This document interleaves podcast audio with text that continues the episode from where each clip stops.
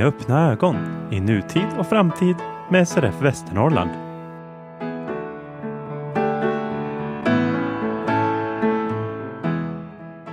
Ni trodde att ni hade hört det sista avsnittet av Med öppna ögon för 2022. Men där trodde ni fel. Vi är lika oklara som vem som är tomten varje år. Men här har ni oss i ett specialavsnitt som vi hoppas att ni får glädje av under julstök och matkomma efter all julmat. Så här sitter jag idag med Peter Kärnberg, hallå? Goddag, goddag. Och Kristoffer Tillin. God dag, god dag. Vi hoppas att ni uppskattar att ni får höra lite mer av oss. Vi själva gör i alla fall det, att vi får hänga med varandra lite till. Jag tänkte vi skulle prata lite om vad vi har för julminnen. Vill någon av er börja berätta något julminne? Det finns ju ganska många när man börjar tänka efter, men det är ju en rad julaftnar som är sig ganska lika. Men jag fastnade för att dra ett skolminne. Då är vi på gymnasiet. Vi är på den tiden när man skulle stimulera eleverna, det gör man kanske fortfarande, men genom att i det här fallet spela teater. Vi skulle sätta upp Charles Dickens Christmas Carol, heter den väl, Spökhistoria vid jul är väl den svenska titeln, som för övrigt rekommenderas i en underbar ikonisk uppläsning av Sven Lindberg från 1993. Vår föreställning blev inte lika ikonisk och inte lika underbar, men den blev väldigt speciell därför att vi var en grupp. Det var Matvårds-Viktor och jag och några som jag har glömt. Vi fick i uppdrag att sammanställa den här pjäsen, skriva repliker på engelska, naturligtvis titta i originalmanuskript och så vidare, i boken åtminstone. Och fick väl några veckor att jobba på det här, x antal lektioner. Men eh, vi hade ju kaféet att sköta om mm, i form av att vi gick dit och åt och pizzerior att besöka på stan och musik att lyssna på i korridoren. Vi hade en klasskamrat som satt och tränade på Ebba Gröns olika låtar i tre år och på slutet fick han faktiskt till det så att vi var fullt upptagna med att leva och glömde liksom bort att repetera, även om åtminstone jag alltid har älskat att stå i rampljuset. Men det gjorde vi ändå senare, som ni ska märka. Några dagar innan premiären så kom Mators-Viktor lätt stressad och sa Hur gör vi med det här? Vi måste ju ladda upp här. Vi har ju inte skrivit några repliker. Vi måste sätta oss på rasten. Det gjorde vi, men det blev väl inte så mycket gjort och premiärdagen kom. Nerver hade vi inte på den tiden, åtminstone inte fullt fungerande. Så ja, några timmar innan så satt vi och funderade, hur ska vi lösa det här? Vi har ju inget manuskript här, vi kan ju kanske scenerna hyfsat. Det, det är den här rike mannen som har tappat kontakten med sina känslor och som utnyttjar sin bokhållare och så kommer det några andar och hur, hur ska vi lägga upp det? Ja, vi delade ut rollerna och eh, spelade pjäsen. Det gick så där. Efteråt kom den stackars prövade lärarinnan och sa pojkar, jag har sagt till varenda klass som har gjort den här pjäsen, ni får göra det hur ni vill. Men jag kan inte säga så mer till kommande grupper. Jag ska förbjuda pantomim. Ni vet, pantomim, det innebär att man håller tyst när man spelar. Och meningen var att vi skulle träna vår engelska. Det gjorde vi inte. Det var helt tyst i klassrummet. Det enda som hördes var när jag gjorde entré som de svunna jularnas ande och gick lite snett, varpå Matvårds-Viktor viskade på klockren Matfors-dialekt. Vänster din blinde fan. Ursäkta svordomen, men det var ett citat. Och ett minne. Ja. Underbart Peter. Det, det var säkert en del skratt efter det misstänker jag. Jag förträngt det, men det, för, förhoppningsvis, och vi blev inte heller underkända i slutbetyget, det var tur.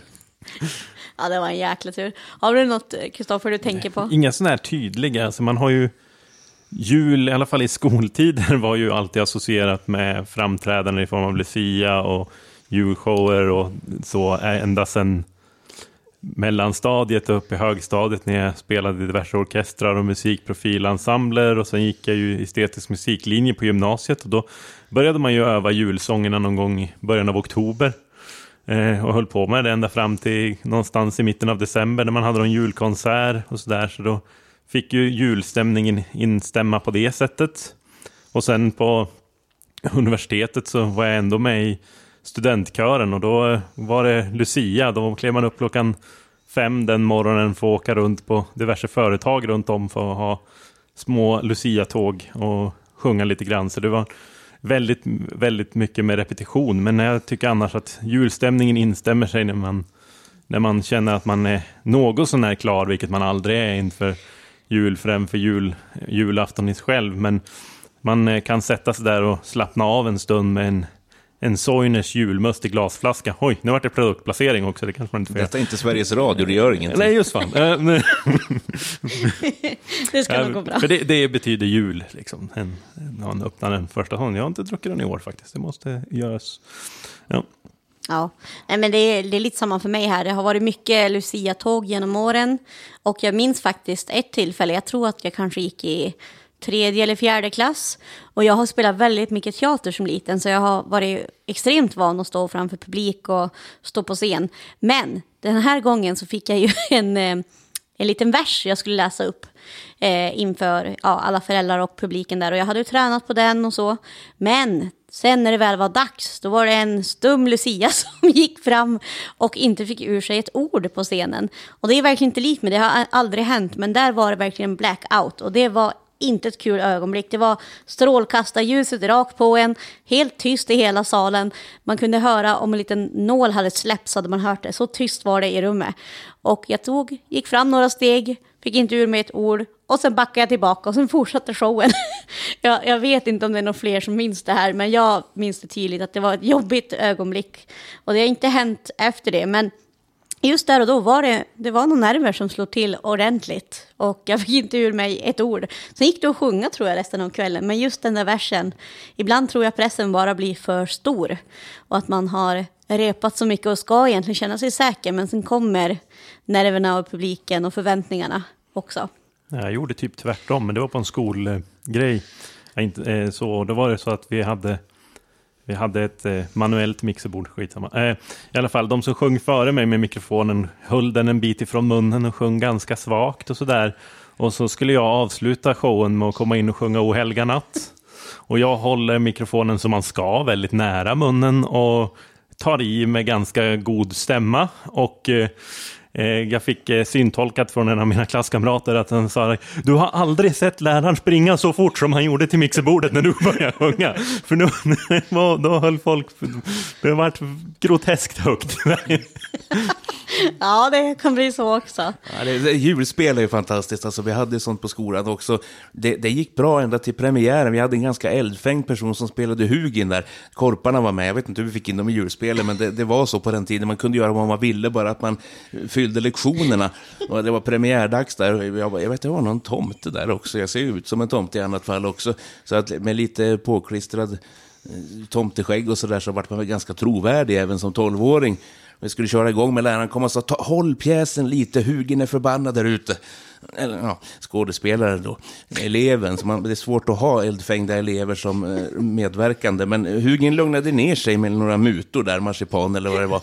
Så vi kunde genomföra även den showen. Ja, underbart. Men jag har ju tänkt på det efterhand, alltså så mycket man har självplågat sig själv genom skolan. Så på gymnasiet så insisterade de på att vi skulle ha levande ljus i kören. Och det är väldigt fint och så. Men grejen är bara att är du både synskadad och reumatiker och både då ser dåligt och går lite dåligt så är det kanske inte optimalt att gå med levande ljus. Men jag klarade mig igenom det där, men det var inte så att man andades och slappnade av de där timmarna utan det, man var ju på spänn, spänning hela tiden och hoppades på att man inte skulle bränna ner skolan varje gång det hände. Men, eller varje gång man skulle hålla i de där ljusen. Men det gick ju bra, men egentligen är det helt otroligt att man utsatte sig för det här. Jag tror inte jag hade gjort det idag, men det var väl någon som övertalade en. Och ändå tror jag det gick bättre för oss som inte såg i den där i de där typerna. För att vi är generellt lite rädd för det här ljuset. För att det är varmt och man kan bränna sig och man vill inte råka toucha det i någonting.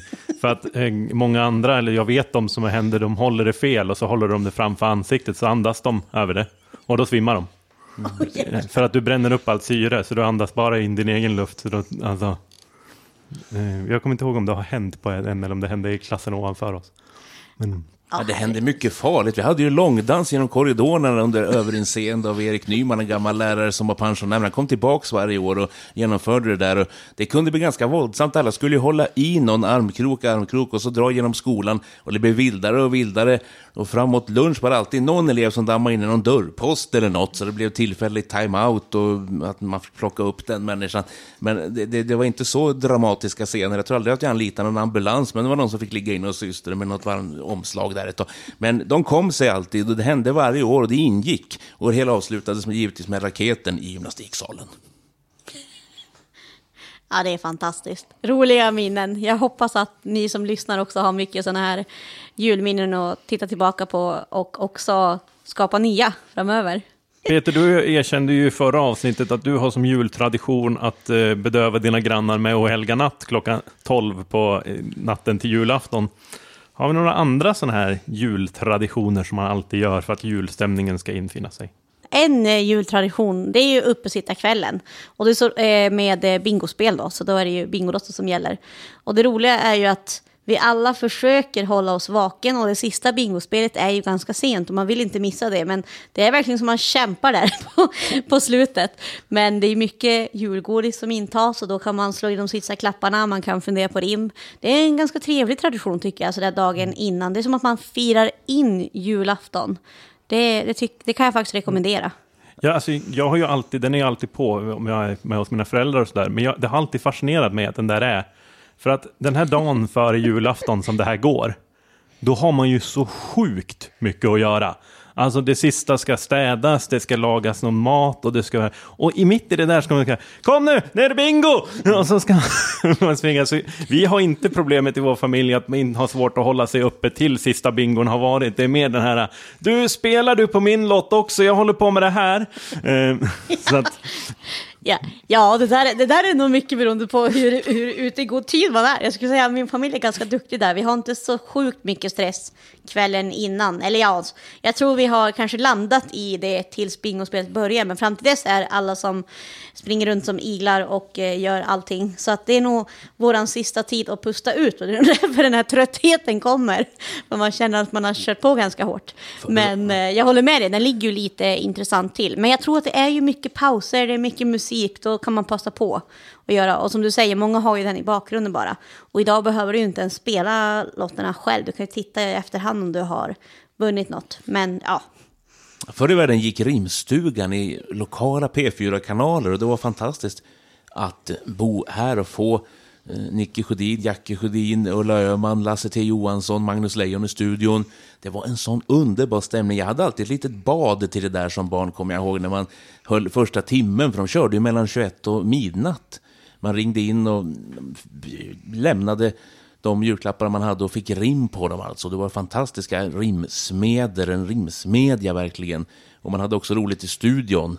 Även om man säkert bara drack låghaltig glögg så var det fantastiskt. Jag sörjde när det försvann. Nu har man försökt starta upp det igen, men det är lite andra deltagare och det är på dagtid vet jag. Så det är inte som förr, men det, det, är också en sån här sak som jag kom in i som barn och som jag följde så länge det fanns. Det försvann väl för en 10-11 år sedan. Nu börjar man sända något slags riksprogram istället. Men det, det, där vill jag hävda, som en del annat, att det var bättre förr. Ja, precis. Det är, det är ju lite rimstuga i Bingolotto också, men jag förstår vad du menar. Den där mm. lokala touchen är ju synd att den försvinner lite här och där. Vissa ringde ju varje år. Och så sa, nej men är det du nu igen? Ja, nu är det och det var samma pojkar. Jo, det är en Tony och en Tom i år som ska ha henne. Så det, det har varit väldigt lokalt ibland och det, det, det, är lite gulligt på ett sätt. att vet, Ja, just den där i Övik ska jag alltid ringa och den där i Docksta och den här Kramforsaren. Och, så det, det, det kändes väldigt eh, trevligt, familjärt verkligen. Har ni förstått poängen med julklappsrim? Det är ju en knorr och en finess om man får till det faktiskt. Men jag är inte utövare av det själv. Ja, det, jag tycker, ja, det, lyckas man med det så är det ändå roligt och det kan, jag tror det här beror lite grann på hur många man är också som samlas vid jul. Men är man inte alltid så många så då drar det liksom ut på spänningen och man får vänta lite mer. Och det, då fyller rimmet en funktion. Och sen är det lite kul att inte bara alla bara sliter upp dem och så är det klart. Utan, men sen gör vi lite fram och tillbaka. Vissa år orkar vi engagera oss i det där och andra år inte. Men äh, det, det, har en, det har en liten fin charm i det hela. Nicke Sjödin hade ju någonting som lät ungefär så här. Inför allas häpna blickar ser ni här en massa pickar. Vad tror ni det var? Pickar? Ja... Med fågelbord. Herregud, de, de pickar ju i sig där och det man lägger fram. Folk tyckte det här lät osedligt, men det var det ju inte. Det var ja, två fågelbord, man måste ju tänka rätt bara. Jag såg också någon annan framför mig kan jag säga, ja, som det, jag inte vill säga högt i podden. Inte, men... förstår inte det. Nej, jag tycker det är ett suveränt rim. I förra avsnittet fick ni ju lite trevliga jullåttips. Men jag har ju fått höra att Peter sitter med en hel lista på låtar. Är det någonting du vill berätta om Peter? Ja, men vi, vi har ju massor att dyka ner i här. Man kan ju säga så här att det finns, till att börja med, ett rekommendabelt program på själva, på själva jul... jul. Nu, nu händer något märkligt. Nu händer något märkligt i... Är det Kristoffer som låter? Nej. Och Frida har inte den Nej, rösten nej, heller. Har någon med på linjen här? Det är någon som har kommit in på linjen. Hall hallå, är vi... Jag måste ställa ifrån mig säcken. Ja, ja. Herregud, det var en säck. Jag känner igen den stämman på något vis. Eh, Hör du? Tomten? Du har väl, det du har väl aldrig varit snäll någon gång i hela ditt liv? Nej, men jag har sett det på film, om inte annat. Alltså. Åtminstone sådana saker. Min store tjocke fader, är det den filmen du menar? Det kan ha varit det. abs- Nej, det kanske var någon föregångare. Alltså, Men, men stämman känner jag igen. Känner inte ni igen den här rösten också, Frida? Jo, det klingar något bekant. Vad säger ni? Det klingar bekant. Det kanske är bjällerklangen som klingar. Va? Jag hör inte. Nej, det, det, det är kanske dålig förbindelse. Var, var, var Jag befinner... har, jag har knäck i lurarna. Hör du det? Knäck i lurarna. Det är Ja. inte så dåligt. Den, den- är nära mun. Det är god knäck. Härligt. Är det egengjord knäck eller är det tomte? det är min fru som har gjort det. Hon gjorde det på sin 300-årsdag. Just det, tomten är mer för tomtebrus eller julmust kanske. Jo, julmust, det är fint. Och en och annan julöl. Julöl också. Jag har tomten någon favoritjulöl. Ja, den där som heter Tomtens, Tomtefars julöl. Just det, det är kanske till och med tomten som har varit med och eh, producerat den. Producerat. Det är olagligt. Nej, nej, nej. In- Inte jag inte. Nej, jag tänkte det var något Jaha. hemligt recept. Ja. Jaha, vem är du då?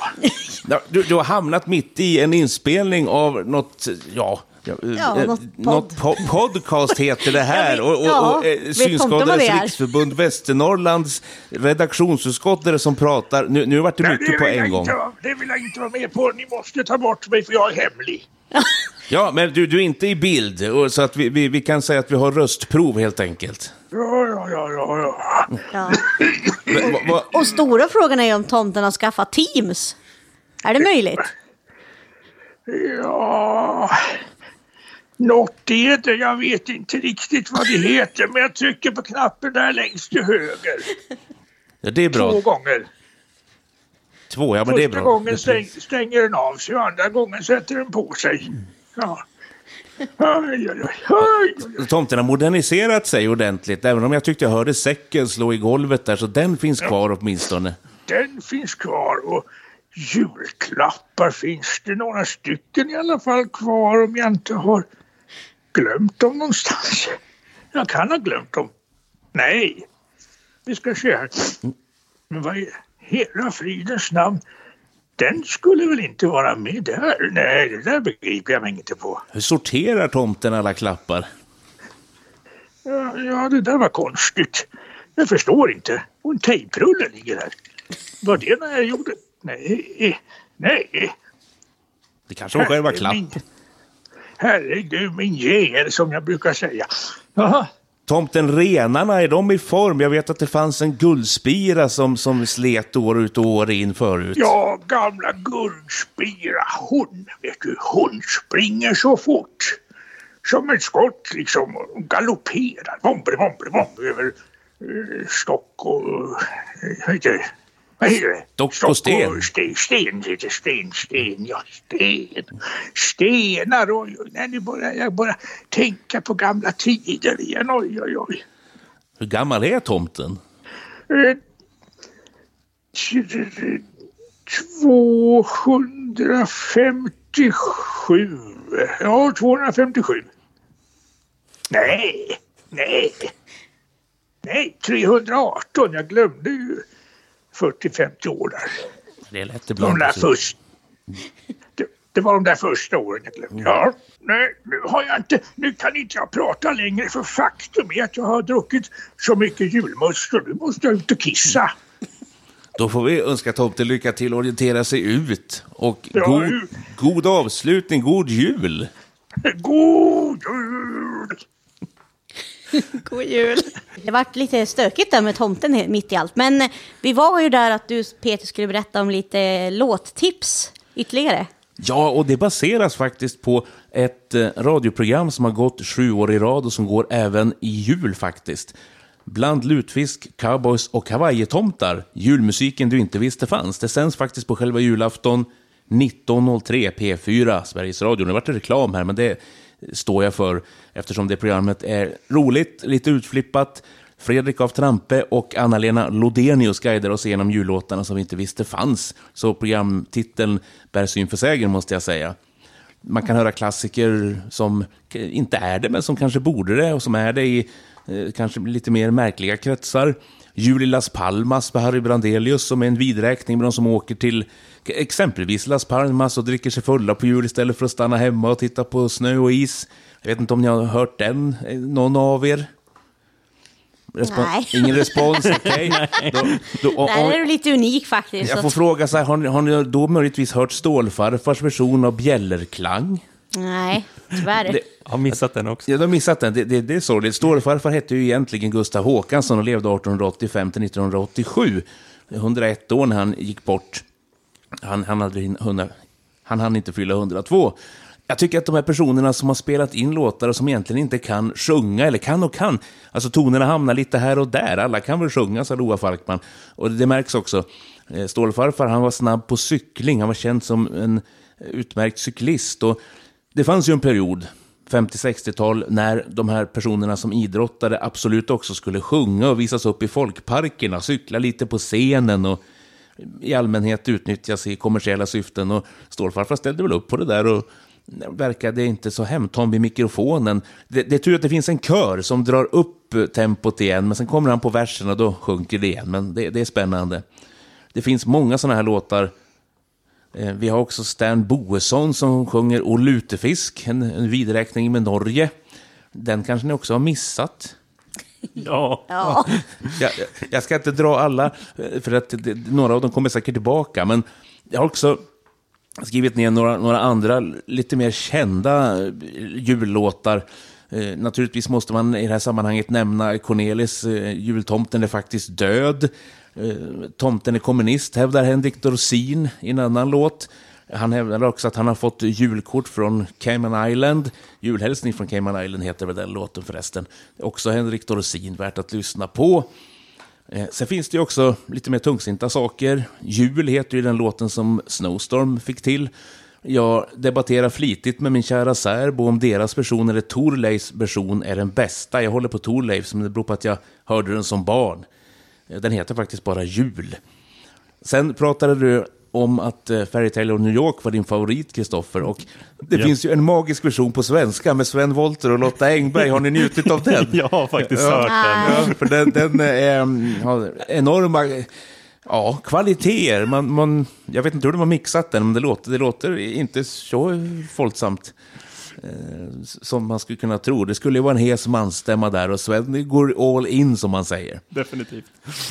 Det hände sig för länge sedan. Vi har Kikki Danielsson på sång där faktiskt. Den, den tycker jag är riktigt vacker och då är vi tillbaka på det seriösa temat igen. Mm. Jag vill också lyfta Pierre Isaksson. Han är värd att plocka fram Family Four-medlemmen som avled vid Estonia-katastrofen 1994, 46 år ung. Han, han vikarierade för Alf Robertsson då.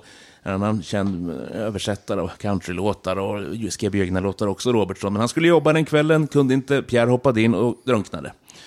Och eh, hans son, Pierre Isakssons son, har för två år sedan dammat av eh, demotejper som Pierre satt och spelade in med gitarren. Och man har lagt på kör, man har lagt på instrument och gett ut Jul i Sahara, eller Jul i Sahara blev det när det sjungs, för det skulle gå ut med eh, versen. Den kom ut och det är en egentligen ganska sorglig sång. Det finns eh, exempelvis så, så kan man höra Textrader som “Granen står så grön och grann som bara falska granar kan”. Så den är också eh, väl värd att lyssna på. Jag tyckte man fick en upplevelse av eh, att, att färdas tillbaka i tiden. Meningen var ju att Isaksson skulle göra en ny platta. Man hade till och med ställt in mikrofonen i studion på hans längd, säger legenden. Jag jobbade med det här veckan efter Estonia-jobbet, men det blev ju inte så. Men Banden fanns kvar och det finns till och med en P4-dokumentär om, om det här som jag också kan rekommendera. Det är mycket radioreklam i det här avsnittet känner jag. Jag går raskt vidare. Jul i vården. Med Åsa Bellsten. Den kanske ni har missat? Ja. Ja. Vad bra, för då, då ska vi se till att ni får höra den sen. Ja, men det är intressant, det, det är ju lite från vårdperspektivet. Eh, nu har änglarna landat med Lundell är väl något mer känd kanske. Eh, nej, ni nickar inte Nej, bifall. nej. Nej, det, Nej, vi får nog lyssna lite på saker lite efter här, jag. det här. Så ska julen låta. Peter Harrison som ledde Så ska det låta. Och då gjorde man väl en, en grej på det. Så att i slutet på 90-talet kom den. Men den är riktigt bra faktiskt. Sångerna är borta, men Arne Weise är kvar, slutar den. Och nu är ju kanske inte Arne det heller, mer än i våra hjärtan och på YouTube. Men den är väl värd att lyssna på. Tiderna förändrar sig, men jul är jul ändå.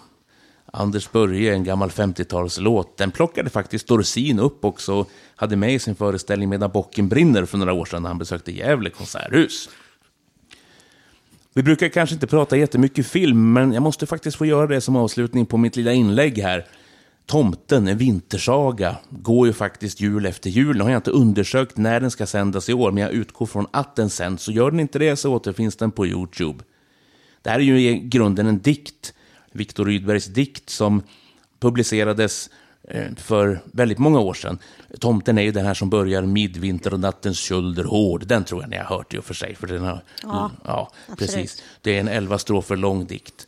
Den har sin, sitt ursprung i en promenad i Slottsskogen 1881 när Viktor Rydberg som var journalist och diktare var ute och gick med tidningens redaktör. Han jobbade på en, en tidning, Ny illustrerad tidning. Och eh, 1881 publicerades dikten om tomten som gårdstomte.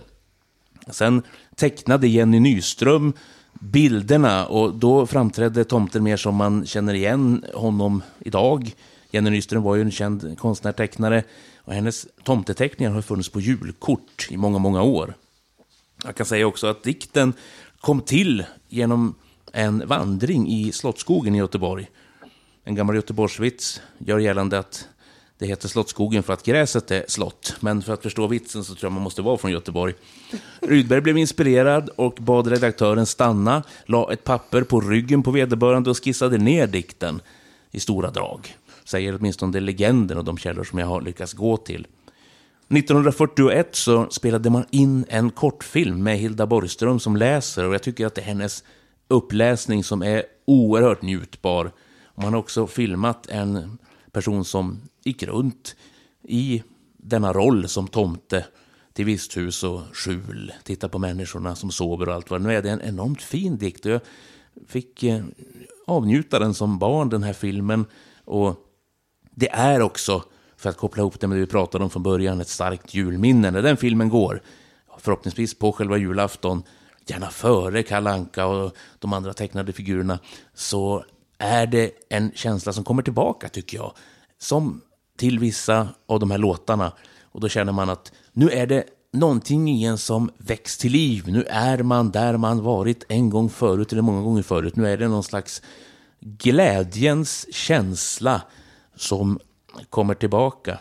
Jag, jag minns inte jättemånga julaftnar annars. Alltså, de flyter in i varann, måste jag säga. Och jag, jag tycker nästan att det är stämningsfullt före jul och sen går julafton och sen är det nyår. Men just den här tiden vi upplever innan julaftonens inför med traditionerna i form av låtar och sådana saker. Julklappar har jag lagt av med som tur är. Eh, men, men de här sakerna är, är värda att lyfta fram, både musikaliska eller mindre musikaliska och eh, i det här fallet också den dikt som har överlevt i eh, drygt 140 år. Det säger väl att det är kvalitet i alla fall. Sune Olsson, en välbekant röst i många sammanhang. Välkommen till Med öppna ögon. Tack för det. Öppna ögonen, så var det det hette. Jag försökte komma på vad er podd hette men eftersom jag är så gammal och har så dåligt minne så slankt undan. Den ska jag lyssna på, det lovar jag. Det låter fint. Vi kan väl gå bakåt i tiden då, för vi har ju ringt upp dig för att prata lite om just minnen och du har jobbat på SRF i många år. Jag vet inte, när, när började du? Det var faktiskt i början på 80-talet. Vad gjorde du då? Från allra första början så sommarjobbade ett halvår på ja det låter ju som stenåldern, alltså på det tryckeri som Synskadades riksförbund hade. Eh, då skrev man efter diktafon och vet du vad man skrev på? Jag skulle säga någon slags maskin, var det punktmaskin eller var det skriva, ja. en skrivmaskin? Nej, jag, tänkte, jag tänkte så här, man skrev faktiskt på en eh, maskin, sånt som skulle bli eh, tidningar och trycksaker sen, på en eh, speciell skrivmaskin som skrev på plana burkplåtar som var dubbla, dubbla burkplåtar. Och när man hade skrivit den här sidan så eh, satte man det i en annan maskin som tryckte ihop som ett våffeljärn kan man säga och då var det punktskrift på pappret. Och det kunde man göra hur många gånger som helst eller till man tröttnade. Det blindas veckoblad fanns det en tidning som hette på den tiden och den var väl i en ja, 14-1500 exemplar så där fick de hålla på en stund. Och du höll på en stund där också. När, när kom du över till andra arbetsuppgifter? Det var några år senare på 80-talet som jag kom faktiskt till det som då hette redaktionen och eh, ganska snart kom jag till eh, SRF-perspektiv som hade funnits några år och där var jag medarbetare väldigt länge. Eh, så småningom på slutet så fick jag förmånen att få vara redaktör några år för, för densamma. Hur har perspektiv utvecklats genom åren då, tycker du? Ja, det är svårt att säga. Alltså, man kan säga så här att jag tycker när jag läser den idag, för nu, nu är det ju ett gäng år sedan som jag blev pensionär, men när jag läser den idag så tycker jag att den är riktigt bra. Och eh, jag, utan att liksom förhäva mig på något sätt så skulle jag vilja påstå att det var bra att jag slutade när jag tyckte att jag var som bäst. Eh, det tycker jag fler borde göra. För det är jävligt svårt att förnya sig. Jag tror att jag lyckades med det någorlunda bra men eh, jag tycker de som har tagit över och gjort, gör tidningen idag, de gör den bättre. Din röst, den minns ju jag och det minns också Frida och Kristoffer från O'boy, den tidning som skickades ut till eh, barn och ungdomar. Jag tänkte vi skulle stanna upp lite vid O'boy-åren mm. och för det första fundera på vad var det här för tidning? O'boy var ju en, en, den tidning som SRF gjorde som var en barn och ungdomstidning för blinda och gravt synskadade. Ganska många år så gavs den ut på kassett. Och eh, första sidan på kassetten gjorde vi för de yngre barnen och eh, andra sidan gjorde vi för de lite äldre barnen och försökte göra den också så att den skulle funka för tonåringarna. För det var ju en väldig mix. Det var ju sagoberättande, det var volymtoppen där man ringde in och skrek. Det fanns andra inslag. Och som du säger på B-sidan, till och med prat eh, om, om sexualupplysning med Kristina Rogala hette väl hon. Så ni hör, man har lyssnat enormt på detta. Och, och även eh, porträtt av kända personer. Så det var en, en mix verkligen. Har du varit med på den här och skrikit i volymtoppen någon gång?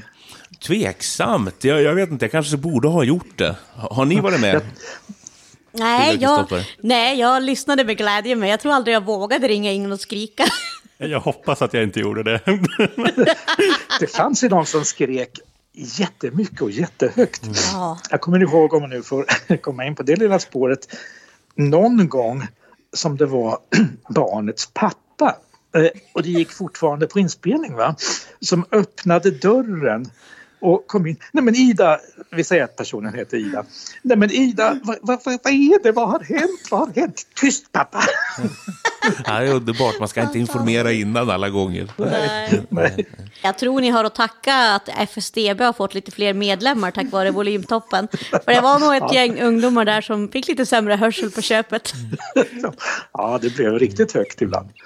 Var det redaktionen på Perspektiv som också skulle göra det här eller handplockades det diverse medarbetare Nej. För att Nej, det, det, det, det mer handplockades. Det var, från början så var det Lena Huhtasari som så småningom bytt namn till Kallne och som inte jobbar på SRF nu men som man kan höra i det här, eh, vad heter det? P4 Dans. P4 Dans, jag höll på att säga i Aftondans men P4 Dans. Bland annat, hon jobbar ju på radion fortfarande. Men hon startade sin långa karriär på SRF och fick ansvar för att göra den här barn och ungdomstidningen om Boy. Och då behövde hon ju någon motkandidat för att det blir så tungt att sitta själv i studion hela tiden. Eh, då utsågs jag att bli den personen. Lena är en var och är säkert fortfarande också en mycket ambitiös människa. Så att hon skrev ut manusen väldigt, väldigt tydligt. Nästan vartenda ord som skulle sägas. Va? Eh, sen körde hon ut det jag skulle ha då i punktskrift.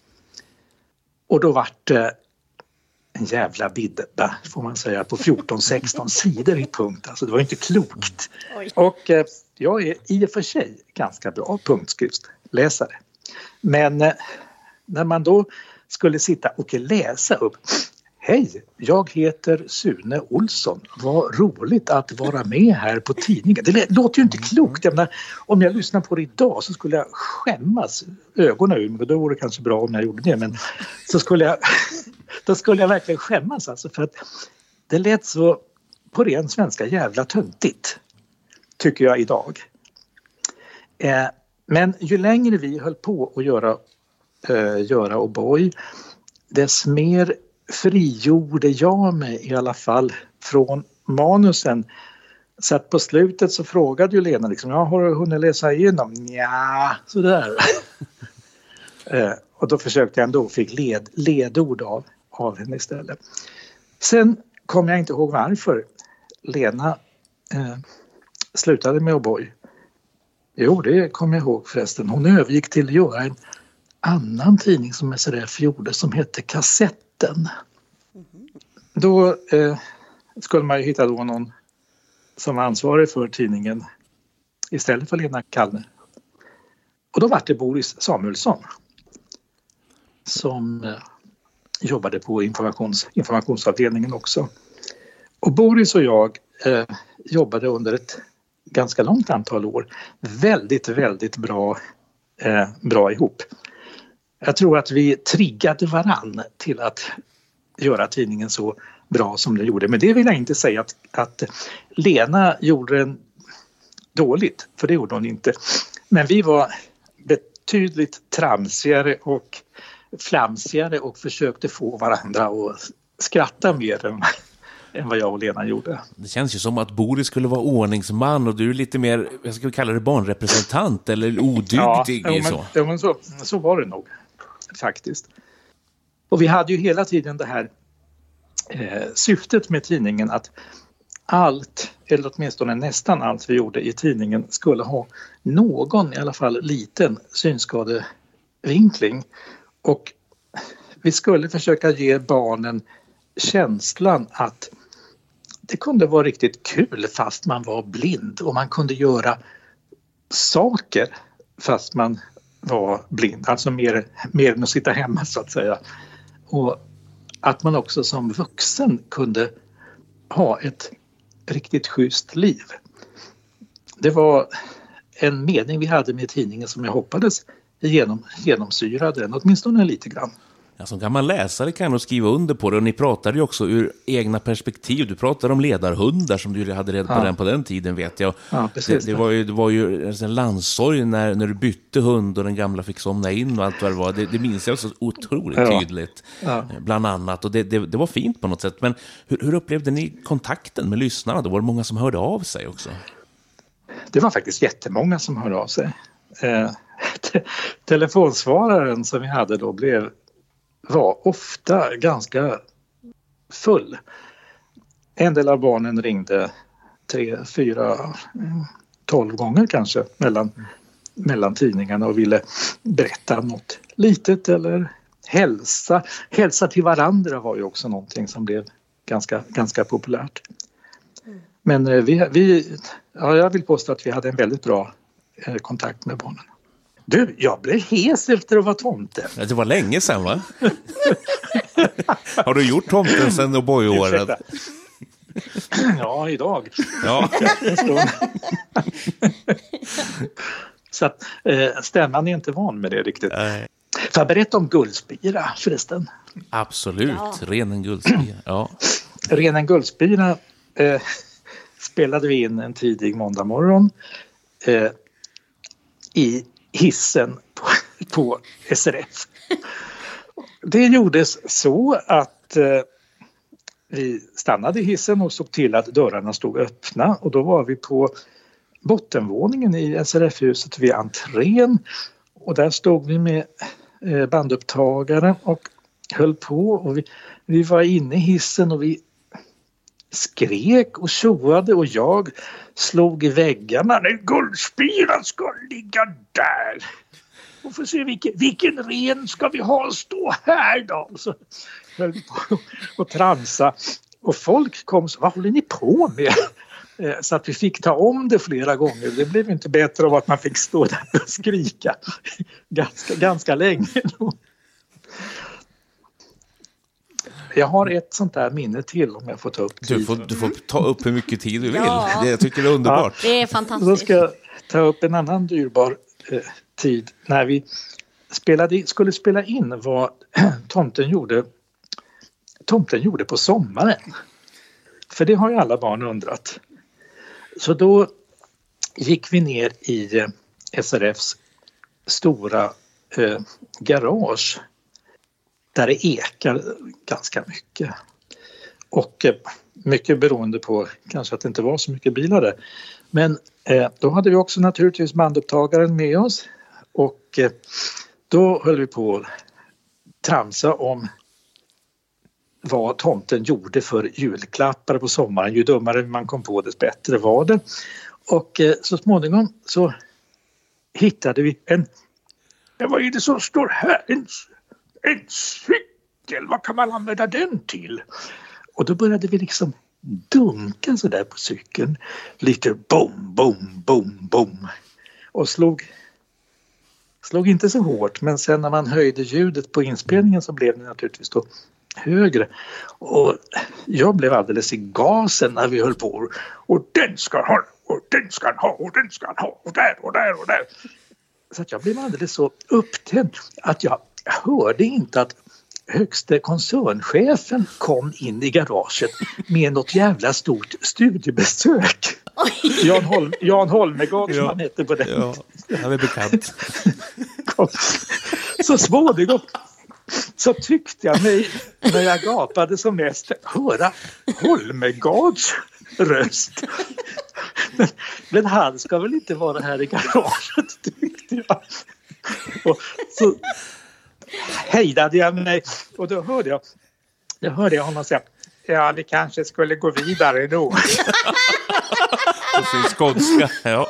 Ja. Underbart, underbart. Fick du någon, någon repressalie eller någon fråga av honom sen? Nej, tack och lov inte. Men jag var orolig ganska länge att de skulle undra vad fan håller ni på med där nere i garaget? Ja, det var bra om det var hans cykel. Ja. Exakt. Fantastiskt. Men det är bara två exempel på att vi har haft jättekul och jag hoppas också att lyssnarna har haft kul.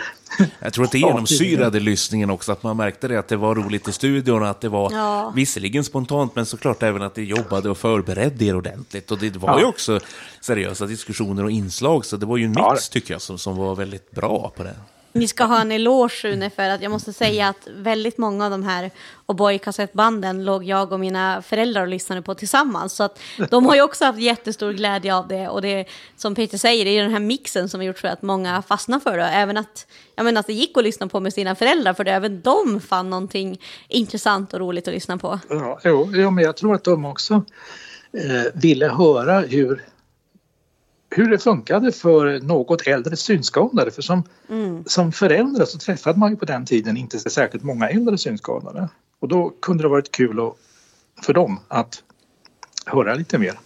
Men Sune, efter många år på SRF så gick du i pension, och hur följer du SRF idag? Jag vill påstå att jag följer inte SRF så väldigt mycket idag. Faktiskt. Jag eh, läser naturligtvis, det gör jag, perspektiv. Jag kanske inte läser den första dagen den kommer men jag läser åtminstone första veckan och jag läser betydligt mycket mer än bara innehållsförteckningen. Sen saknar jag eh, Håkan, Håkan Thomsson, hans, eh, de här nyhetsbreven.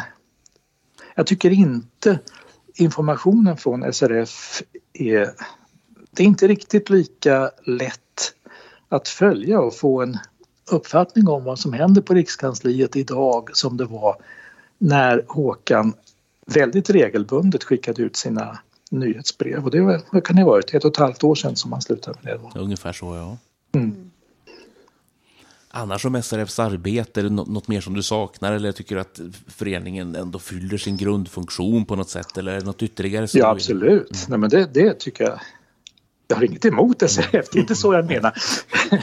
ja, jag tycker ba- bara, bara det att eh, man var ju mer intresserad när man var mitt uppe i det och var med och gjorde webbradio en gång i veckan som vi, som vi gjorde på den tiden. Och, och sådana saker så man fick mycket mer, mycket mer input. Tack så jättemycket för medverkan. Ja, Sune. tack, vi, vi är jätteglada att det här gick i, i land, att vi kunde få tag på det, att du svarade igår och att du liksom Ja, ja. ställde upp så här laddat, höll jag på att säga, som med kort, kort varsel. Ja, ja. Det blir en krydda till julavsnittet verkligen. Det var kul. Och sen när ni har satt saxen i det, ja det gör man ju inte längre, men när ni har satt mixerbordet i det hela och kortat ner lite så kanske det blir bra. God jul och gott nytt God år i förväg. Ja, då säger jag också god jul!